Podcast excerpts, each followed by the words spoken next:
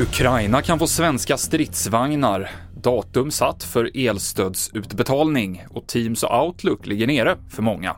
Det handlar om i TV4-nyheterna. Sverige kan komma att leverera stridsvagnar till Ukraina efter att Tyskland alldeles nyss meddelat att man kommer skicka Leopardstridsvagnar. Så här säger vår kommentator om vad det här kan innebära för ukrainsk del. Ukraina blir starkare, det blir, de blir ett direkt hot med de här dundermonstren till stridsvagnar som nu kommer in både från Europa och ifrån USA med Abrams-tanksen. Eh, hur troligt eh, bedömer du det är det att Sverige till slut skickar också stridsvagnar, precis som Tyskland och USA då kanske?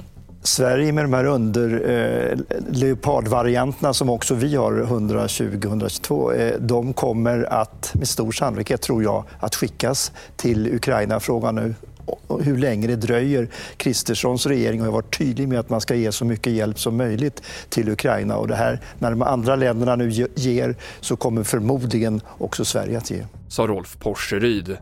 I Spanien så har en 74-årig man blivit gripen misstänkt för att ligga bakom de brevbomber som skickades i slutet av förra året till bland annat premiärministern Pedro Sánchez och Ukrainas ambassad, där en anställd skadades lindrigt. Det här har utretts som terrorbrott. Enligt spanska medier så bor den gripne mannen ensam och han har inga kända politiska kopplingar. Den 20 februari börjar elstödet betalas ut och inom ett par dagar så bör de flesta ha fått sina pengar enligt Försäkringskassan. Det här stödet gäller privatpersoner i elområde 3 och 4, alltså hushåll i södra Sverige. Det är fortsatt oklart när det kommer pengar till företagen. Och Microsoft har stora störningar, vilket påverkar tjänster som Teams och Outlook och mängder med användare påverkas.